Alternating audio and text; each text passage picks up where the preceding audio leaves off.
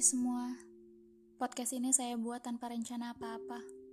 Semua spontan saya keluarkan tanpa pikir panjang, karena rasanya semua yang menganak di kepala udah gak sanggup lagi saya tahan seorang diri. Saya tahu kalau perasaan seperti ini gak cuma saya yang punya. Pemikiran bahwa kita gak pernah bisa benar-benar cukup atas sesuatu, pasti semua pernah merasakannya dalam satu atau dua fase di hidupnya masing-masing. Tapi ide untuk menunjukkan betapa melelahkannya menjalani fase bahwa kita nggak pernah benar-benar cukup untuk diri sendiri. Saya rasa kita semua sepemikiran bahwa kayaknya nggak enak menunjukkan itu semua ke orang lain. Padahal kalau aja kita mau ambil jeda sejenak, menerima untuk belajar bahwa segala ketidaknyamanan itu sebetulnya adalah hal yang wajar bahwa setiap kekurangan yang kita anggap sebagai kecacatan di dalam diri itu sebetulnya bisa jadi isyarat supaya kita terus bergerak ke arah yang lebih baik. Rasanya mungkin semua ketidaknyamanan itu pelan-pelan menjadi hal lumrah yang bisa kita terima.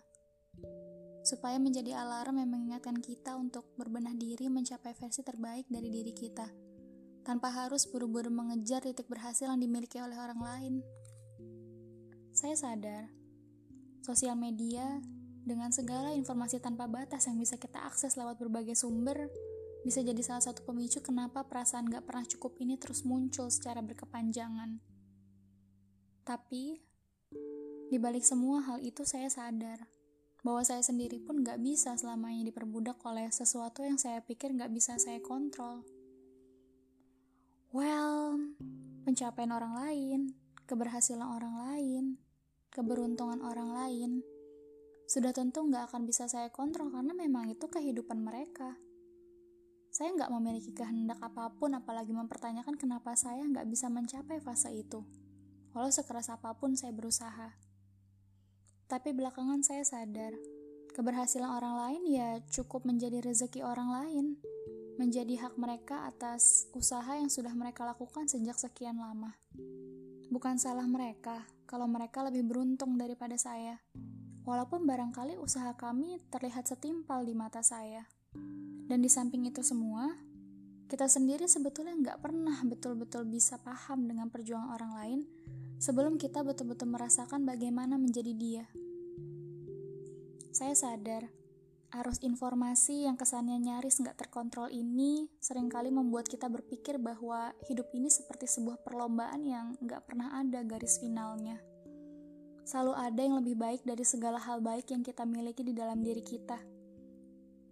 Tetapi semakin hari saya sadar bahwa hidup ini nggak bisa terus-menerus dipandang sebagai ajang pertandingan dari siapa yang paling baik dan siapa yang paling buruk.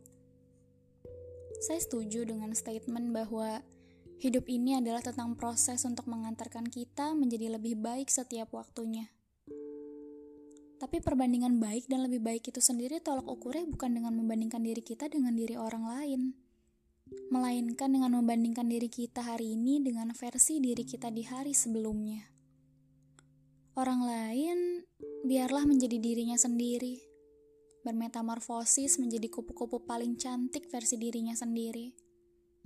Tetapi standar keberhasilan itu, kecepatannya dalam menjadi lebih baik, cara paling nyaman buat dicoba bahkan timingnya untuk mencapai versi terbaik itu sendiri, bukanlah menjadi tandingan kita dalam perlombaan ini karena tentu hasilnya nggak akan fair kalau kita pakai mindset mengkambing hitamkan orang lain atas kegagalan yang kita punya, atas segala usaha yang pernah kita curahkan selama kita menjalani hidup sebagai kita. Kita yang paling paham di mana titik berhasil yang kita cari.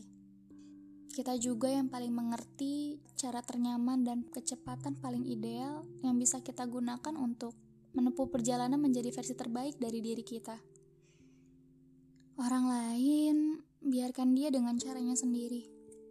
Karena mau sehebat dan semulus apa pun kelihatannya, kita nggak akan pernah benar-benar bisa memahami tiap tetes peluh yang orang lain keluarkan dalam fase perjuangan dia sendiri. Jadi, udah ya, udah cukup banding-bandinginnya. Udah cukup nyalahin diri sendiri kenapa kamu nggak bisa sama seperti mereka. Ambil jeda sejenak untuk menikmati setiap fase yang udah kamu lalui di belakang. untuk merasai setiap proses dari perjalanan itu sendiri bahwa sebetulnya kamu pun sudah jauh lebih baik dari versi diri kamu di masa lalu. Berlomba-lomba itu memang gak salah, tapi harus ada aturannya ya. Jadi, gak apa-apa kalau kamu gak bisa sama dengan mereka. Karena saat ini, kamu pun sudah dalam perjalanan menuju versi terbaik dari diri kamu sendiri. Semangat!